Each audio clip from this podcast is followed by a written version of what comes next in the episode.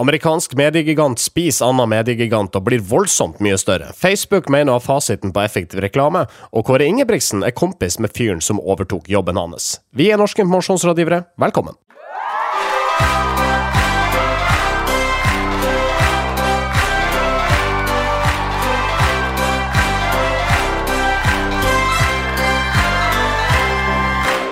Jeg heter Marius Skjerve Staulen, og med meg som alltid Sindre Holme og Marius Torkelsen. Ja da, vi er her, vi. God dag, god dag. Ja. Hvor skal vi brenne ned i dag, da? Nei, altså, vi lever. Vi har, jeg har fortsatt ikke fått meslinger, så jeg er happy camper, jeg. Jeg, jeg har fått meslinger, men jeg er vaksinert, så de eh, døde. Ja. Men det, men det er jo interessant eh, de har, jeg, jeg, min, eh, konspiratoriske side tror at dette det er, For de som da ikke har fått med seg, så har det vært meslingutbrudd i Oslo. Eller det er én person som har fått mesling På Grünerløkka. på Grünerløkka i Oslo. Eh, Parkteatret. Og, og jeg, jeg mistenker jo egentlig Fordi man sier, sier det at grunnen til at veslingsvaksinen stuper, er jo fordi vi har glemt at det er et problem. Så, liksom, eh, så folk eh, vaksinerer seg lenger fordi det er ingen som har det, og så tror de at de får autisme av det. Eh, men dette, jeg tror bare dette er egentlig da det geniale hadde jo gjort, vært å gjøre sånn PR-messig og bare skape en falsk historie om at nå er det meslinger igjen. Sånn at alle ser oi, shit, det er meslinger i Oslo. Nå må vi løpe og vaksinere oss. Ja, ja, kanskje det er det som har skjedd. At det, at det er eh, helsevesenet eller Helsedirektoratet som står bak eh, Nei, nei. utbruddet. Det er Nei. kona til Tor Mikkel Wara som har Ja, står bak denne Det er hun kampanjen. som har Med meslinger. Ja, ja, ikke sant? Med disse vennlige hjelperne til Tor Mikkel Wara i First House, ja, Ja. som nå har eh, tatt ut ferie for å hjelpe sin gode venn ufakturerbart. Jeg tørker en liten eh, tåre der. Jeg kan på måte, jeg synes det er veldig prisverdig å faktisk da hjelpe en eh, venn som trenger litt eh, kommunikasjonsrådgiverstøtte, eh, hvis man har den kompetansen. Men det at det blir en DN-sak på det, det syns jeg er litt mistenksomt. Men det, det, ja. ikke sant? det å gjøre et poeng ut av det, viser nemlig viser jo at de ikke er vant til det. Ja. Å hjelpe noen som helst uten at, å fakturere eller føre timer på det. De må bare hjelpe varer, men de burde ikke ha gått til DN med det. Ja, det burde ha gjort det. Jeg, jeg mener å huske at uh, First House også fakturerte eh, dom, eller et eller annet Den norske kirke ganske mye etter 22. juli, var det ikke det? Nei, den har sett ut rykte. Ja, det er Nei, et jeg rykte jeg har sett ut. Aldri hørt om. La, la det ryktet henge, så får vi se. Det blir en filosofisk inngang på denne sendinga. Jeg har i sendeplanen at uh, noen irriterer seg bitte litt.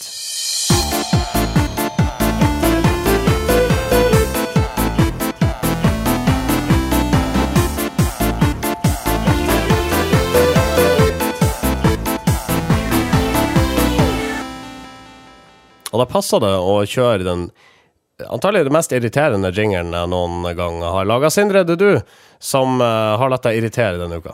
Ja, jeg irriterer meg bitte litt over min mote, som eh, er glad i å bruke ordet imponere eh, litt for mye, syns jeg.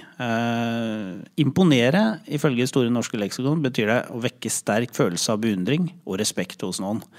Og de bruker det her eh, om eh, f.eks. når eh, hertuginne Kate eh, dukker opp på en eh, prisutdeling som heter BAFTA, i et luksusantrekk og noen øredobber. Og da mener du at hun imponerer eh, bare ved å være til stede i fine klær. Eh, Det samme skriver de når Sofia, som er prinsessa av Sverige, dukker opp på en slottsmiddag i fantastisk fine klær. Og jeg syns det er helt jeg, jeg synes det er helt tullete å si at er, eh, de imponerer da. Altså, eh, de, kan man virkelig imponere i kraft av å bare liksom gå på to bein med noe på seg? Ja, fordi eh, min mote, de, de skal jo måtte være imponert av folk med veldig fine klær. Og så føler jeg at i de sakene her, så, er det, så veldig, det er en slags sånn respekt for monarkiet som eh, ligger i måten det er skrevet på. Sånn der, den vakre kronprinsesse Victoria møtte opp på rød løper i en fantastisk kreasjon. Eh, at det er sånn, det er sånn smisking. Litt sånn der Kjell Arne Totland, eh, Ja, han kom ja, kongeeksperten eh, i Se og Hør og, og TV 2. Eh, det er sånn, de, man skal omtale monarkiet i veldig sånn rosende ordelag. Eh, og på en eller annen måte så, så er det litt sånn krasj når det da kommer fra et, et mediehus, på en måte. Eh, som du sier, sånn, det, altså det at en kongelig har på seg fine klær, er kanskje mye mindre imponerende hvis jeg hadde hatt meg fine klær. For jeg Mm. har ikke noe stylist eller noe særlig budsjett til fine, fine klær. Mens de har jo både alle pengene og masse stylister.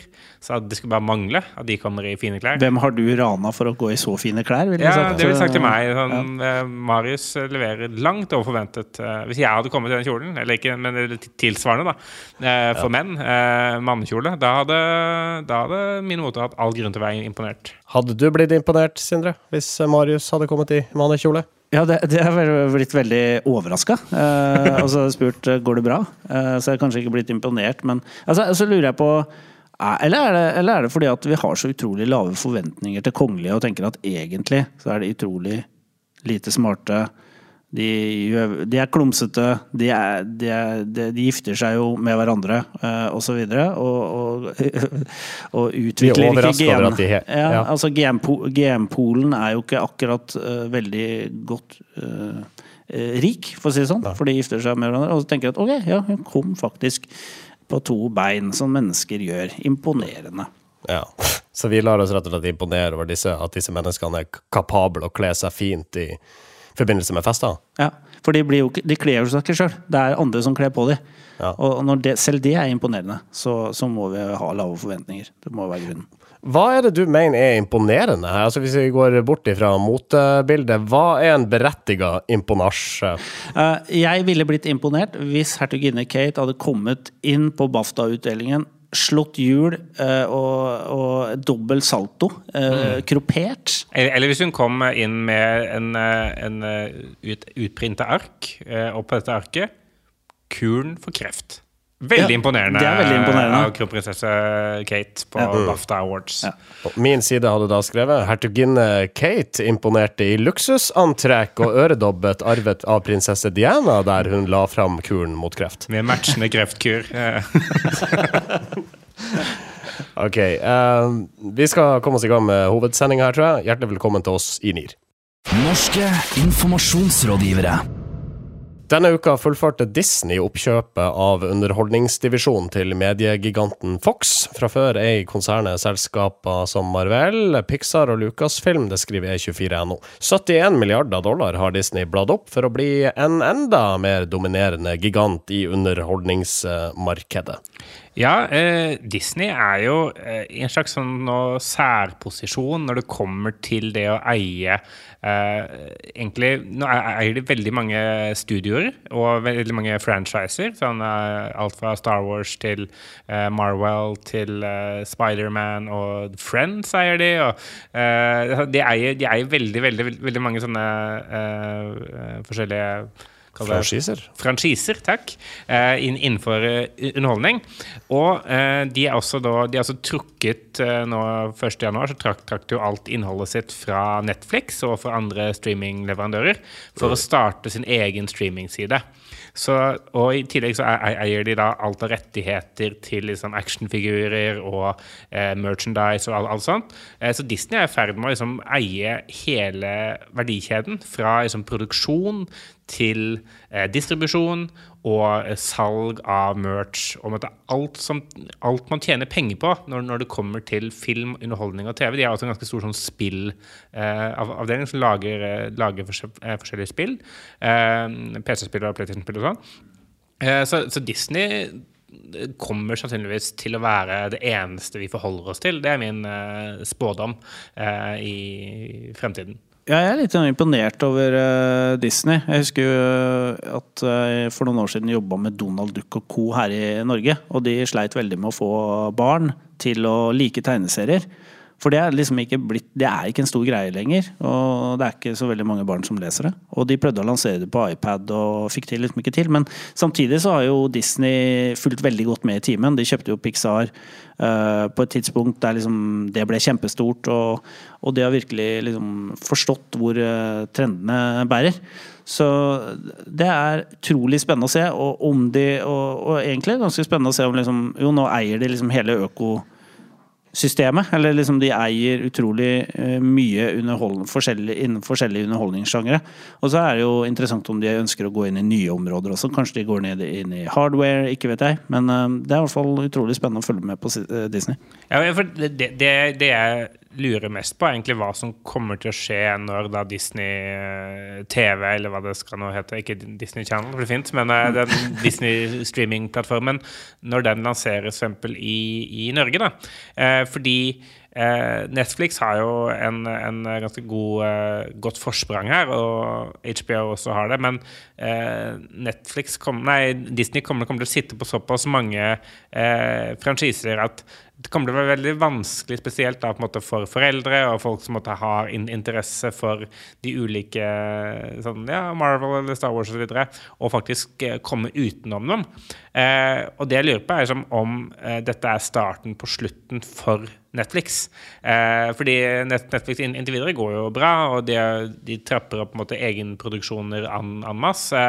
Eh, det, det, er sjelden måte, at det har blitt produsert så mye innhold eh, egentlig på tvers av alle plattformer. Jeg så, jeg så en sånn oversikt over at NRK for eksempel, har økt sine egenproduksjoner veldig eh, de siste årene. Og man, man tror at det måtte også har en sammenheng med at Netflix produserer så uhorvelig mye innhold. Da. At liksom NRK også må rampe opp uh, utviklingen bare for å henge med. Uh, så liksom det å ha da et underholdningsmonopol, uh, eller hva, man, hva, det eventuelt kan bli, da, tror jeg også kan liksom, bli farlig potensielt. Da. Fordi dette er jo egentlig et amerikansk selskap som da skal være først og fremst for alle. og hvis hvis det er noe vi har lært, så er det en måte at amerikansk eh, politikk og amerikansk måte å se verden på, hva som er støtende og ikke, støtende, kan eh, kanskje gå utover eh, kreativitet og gå utover liksom, hva vi faktisk blir servert da, av innhold i, fremtiden. Jeg synes, det er jo litt spennende det du, det du snakker om liksom, amerikansk kultur og amerikanske verdier. og hvordan det vil liksom gjennomsyre mye av, veldig mye av det vi liksom konsumerer av underholdning. Jeg tenker, hva, hva er det neste? For jeg, tenker på Nå har du jo sett at uh, giganter som Apple og Google som blir utfordra, eller Amazon blir utfordra av sånn Alibaba og kinesiske tech-giganter. Vil vi liksom, Det spennende blir å se liksom, Får vi den her eh, Får vi en sånn kulturimperialisme fra Kina på et eller annet tidspunkt? Altså, nei, altså Kall det kulturimperialisme, men altså, jeg mener, det er jo spennende. Om det er ja. der kanskje slaget står etter hvert. Om, liksom, eh, om innholdet. For nå er det veldig mye som Det er jo en kamp mellom mellom tek te kinesiske teknologiselskaper som ikke får innpass i Vesten pga. anklager om, om spionasje osv. Patenttyverier. Ja, og det er liksom hvor, hvor, stort kan Disney bli, da? Med, yeah. med sånt bakteppe. Ganske sånn giftig bakteppe som vi har nå. Og, og, og det, det, bare for å ta sci-fien opp et hakk, da. Selvfølgelig, altså det, det, Disney ikke eier i dag, er jo måte, skuespillerne. Eh, men, de, men, med at de eier Pixar, at de sitter på en ganske stor teknologistek, så det, det er jo ikke utenkelig at vi er så veldig langt unna at man også bare kan lage sine egne skuespillere. Sånn i form av som eh, eh, datagenererte mennesker. Uh, det, er en veldig morsom nettside for øvrig som, som dukka opp på nettet etter South by Southwest. som er thispersondoesnotexist.com. Oh, ja. Som er en nett, nettside som bare automatisk genererer bilder av mennesker som ikke finnes. Eh, og disse menneskene ser helt ekte ut. Det, ut som, det er sånn, det er et bilde av en person som er lagd av en data ved en sånn datamaskin. ved å sette, sammen piksler. Eh, hvis, du, hvis, du, kombinerer den te teknologien med Eh, med det at du plutselig har behov for å bare spy ut eh, filmer med masse skuespillere som du ikke lenger trenger å betale. Mm. For eksempel, du bare kan eie den kommersielle rettigheten til fordi du har, mm. har lagd dem sjøl. Så kan plutselig Disney sitte på alt av eh, verdiskaping. Eh, og, og sånt, så, så tror jeg ting kan bli veldig mørkt fremover. det, det, var da voldsomt. Altså, du må ikke undervurdere det frie markedet, Marius Thorkildsen fikk de akkurat beskjed på øret. Uh, Disney har akkurat kjøpt Dispersion Does Not Exist. Og nier også, for sikkerhets skyld. Så jeg er veldig positiv til denne endringen. Merker. Så vi kommer til å bli erstatta av noen sånne uh, This Does Not Exist.com-personer. Ja. Uh, så det this du podcast neste, does not exist. Ja, så, this podcast does not exist. Og i neste sending så hører du kanskje Du kan kanskje høre på jingeren at det er ikke Marius Staulen som har lagd den, men det er en som ligner veldig. Norske informasjonsrådgivere. De første fem sekundene av en reklamefilm står for halvparten av effekten. Det hevda Facebook-sjef Rune Paulseth i et innlegg hos Medier24. Ja, øh, men det er, det er en litt sånn merkelig situasjon vi har kommet i. For det vi er, nå er det sånn at Facebook, som jo har øh, en viktig kanal for markedsføring, de får lov til å på en måte diktere hva, hva som er effektiv reklame og ikke. Hva mener du med at de får lov til å diktere det? Ja, det, det er litt sånn bukken og havresekken-situasjon, da. Eh, Fordi det er sånn at de mediekjøperne, de som jobber i mediebyråene, de protesterer ikke når Facebook eh, på en måte definerer hva som skal til for å lage effektiv reklame eller ikke. Eh, så jeg, jeg, liksom, min hypotese er at norske markedsførere lider av et slags Stockholm-syndrom. De er på en måte kidnappa av Facebook og snakker eh, Facebook sin sak samtidig. Eh, fordi at de nettopp har eh, investert nå så mye i Facebook at uansett hva Facebook sier om markedsføring, så er alle enig. Jeg, jeg, jeg syns du har et morsomt poeng på at eh, når disse 30 sekunders filmene ikke funker på Facebook, så sier Facebook det er reklame sin skyld, og folk er sånn Ja, det er reklame sin skyld. Det er ikke det at plattformen suger. Eh, fordi en, en plattform som måtte da ikke klarer Og jeg, måtte, jeg har tatt meg selv i å stå og gjenfortelle dette til kunder den gangen jeg jobba i byrå. Sånn, det er viktig med de første fem sekundene. Bare det som fungerer. Folk vil ikke se noe mer. Sånn, nei, men folk vil ikke se noe mer på Facebook.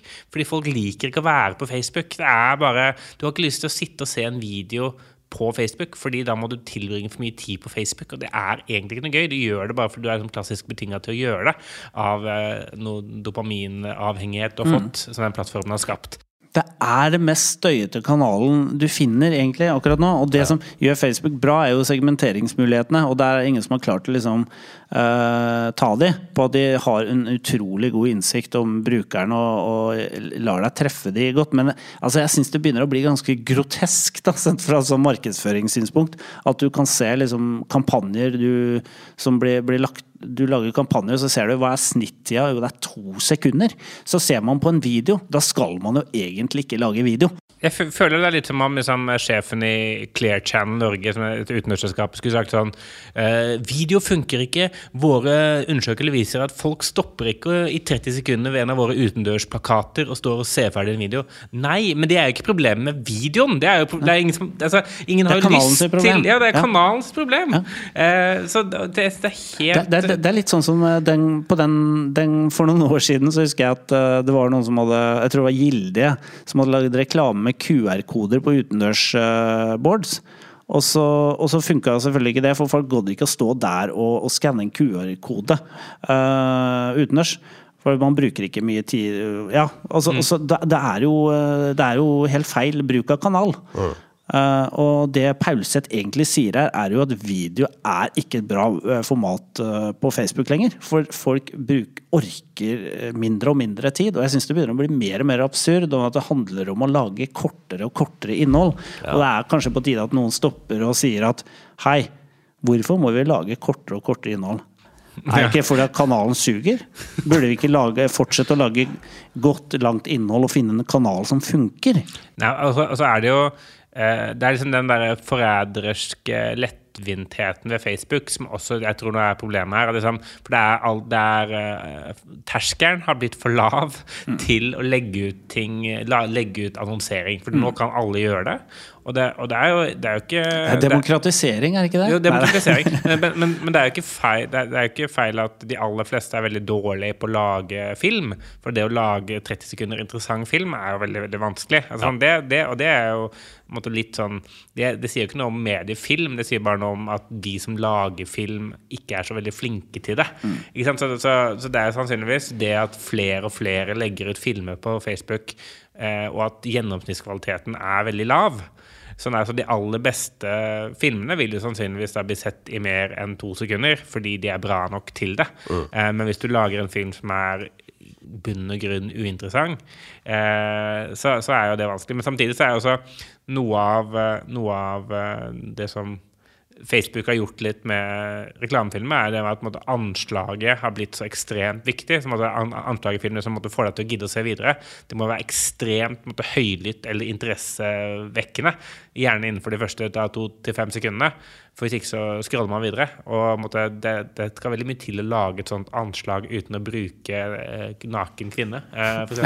Ja, og det får man ikke lov til å vise det vise på får, Det får man ikke lov til. Eh, så jeg, jeg vet ikke hva de vil. Eh, hvis de ikke vil ha porno heller.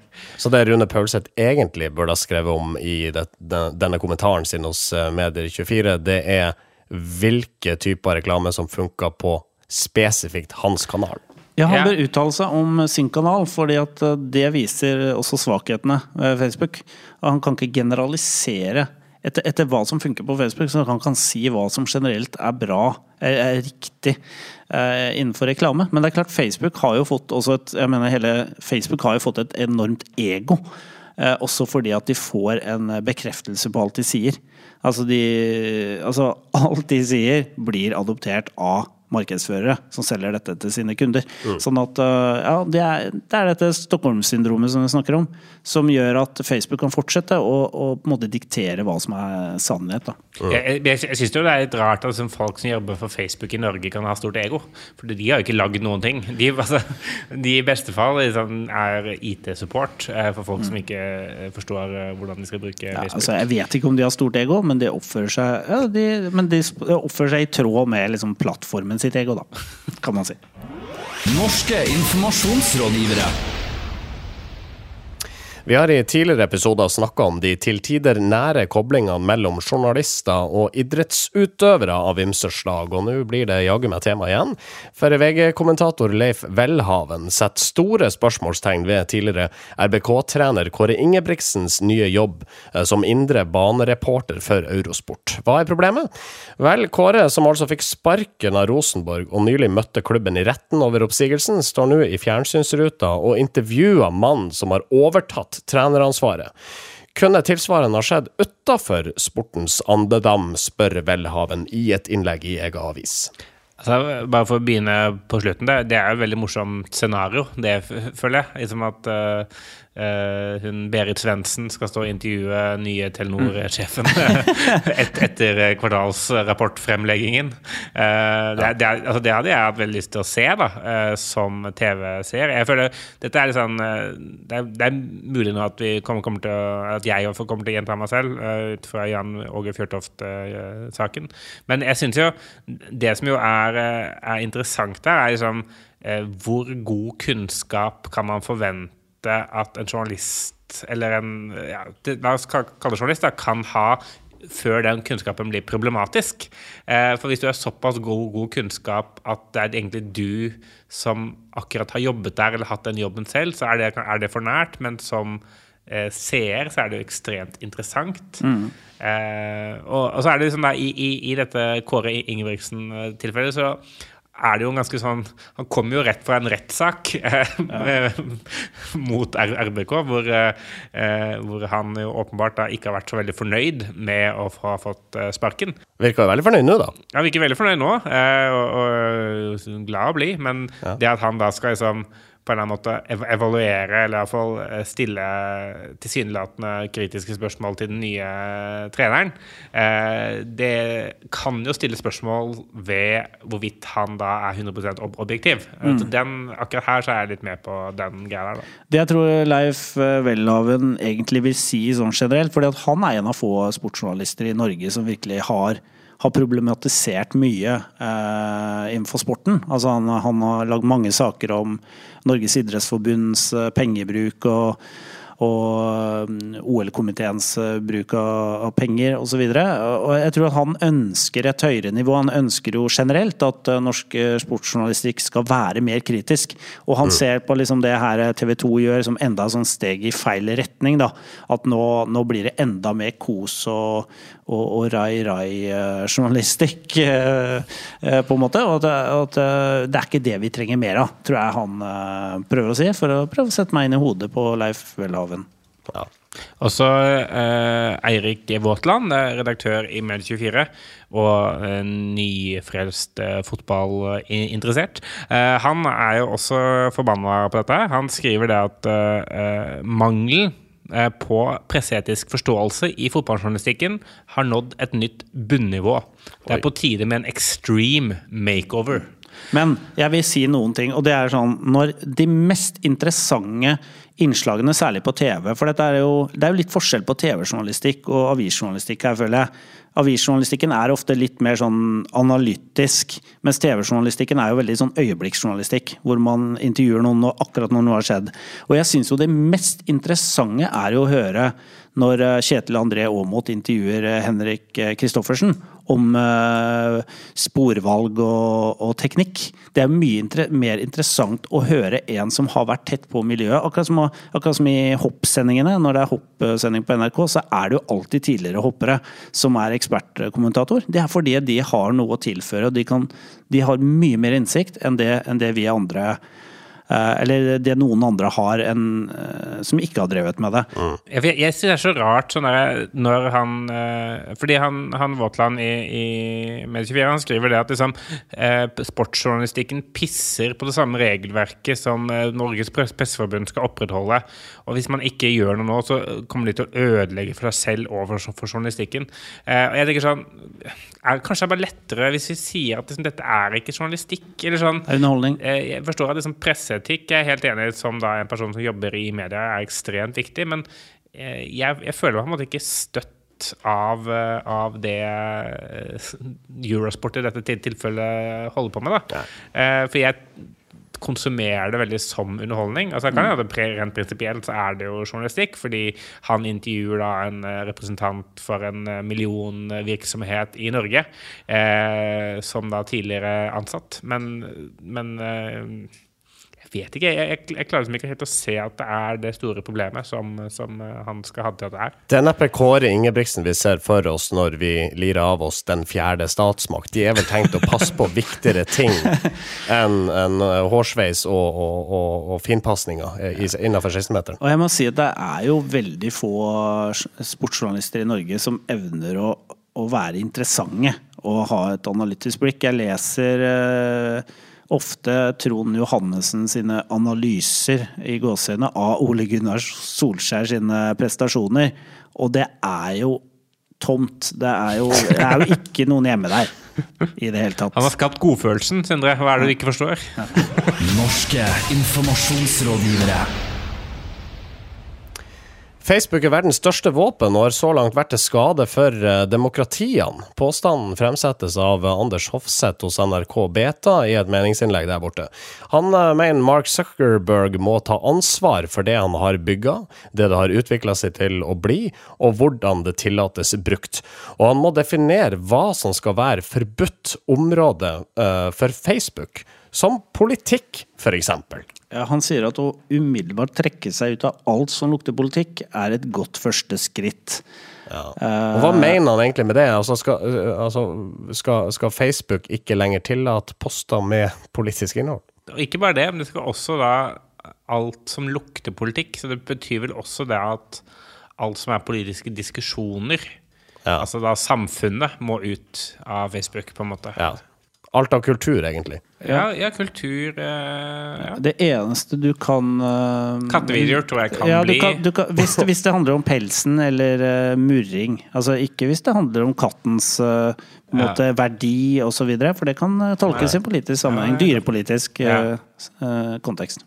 Kattevideoer kan ikke si noe om forholdene katter lever under i et gitt land, f.eks. Nei, Vi kan ikke nevne hvor de lever, for da kan det bli en spore til en debatt om liksom, e- e- etnisitet og ja. overnasjonalitet og den type ting, da, som jo er veldig brennbart. Men, men jeg, jeg føler liksom det, det er gøy. Han har også skrevet dette brevet som et eh, engelsk versjon, så Mark kan lese det og forstå det og Ja, faktisk er gjøre noe med det. Så bare for oss nordmenn. Men jeg, jeg, jeg tror at dette Eller han, sånn som han eh, skriver det, så, så kommer det jo en måte fra et godt eh, sted, hvor han, han liksom eh, henger seg opp i at eh, Facebook er en veldig stor plattform for trolling, som vi har vært inne på før. Og liksom, at det er ganske mange da, som får føle på kroppen måtte det å bli terrorisert eh, på, på Facebook. Jeg hørte en episode av This American Life eh, tidligere denne uka, hvor en av foreldrene til eh, en av de som ble skutt på Sandy Hook, eh, fortalte om liksom hvordan han blir eh, bare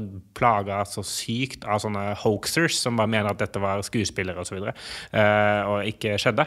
Eh, og på en måte, I de tilfellene så, så virker det som om, de, som, som om de store plattformene, sånn som Facebook og YouTube, kommer til kort. da, Fordi de kan rett og slett ikke moderere det. De har ikke evnen til å eh, måtte ta alle de da som, eh, som eh, trakasserer folk.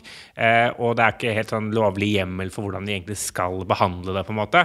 Eh, så, og det er på måte Han refererer til måte, trolling og sånn i, i, sin artikkel. Så jeg, jeg tenker på en måte at det han vel har sett som eneste løsning, er å fjerne alt av politikk. Men det handler kanskje mer om at Facebook på en eller annen måte må få kontroll, eller finne ut av hvordan de kan få kontroll over at plattformen brukes til såpass mye drit. Men altså, Anders Hofseth har skrevet et veldig langt eh, innlegg, og, og, og, og midtveis så aner jeg at det kommer noen konkrete forslag til løsninger her. Altså løsninger på problemer med folk som blir trakassert på en eller annen måte. Men, men de løsningene de kommer egentlig aldri. Nei, fordi man, man, tror det når man leser det. Sånn der, man føler sånn Å, nå kommer løsningen snart. Og han argumenterer. Jeg gleder meg til å se hva denne løsningen blir. Ja. Og så bare nei. Løsninga er å ta problemet med rota. Hvor, hva er roten? Det kommer vi tilbake til i neste sending. ja, for nå er det over. Norske informasjonsrådgivere spilles inn hos Moderne Media, en av landets eh, største produksjonsmiljøer for podkast. Du finner dem på modernemedia.no. Oss finner du på facebook.com slash eh, Nearcast. Vi høres igjen fram til da. Ha det bra! Norske informasjonsrådgivere. Moderne media.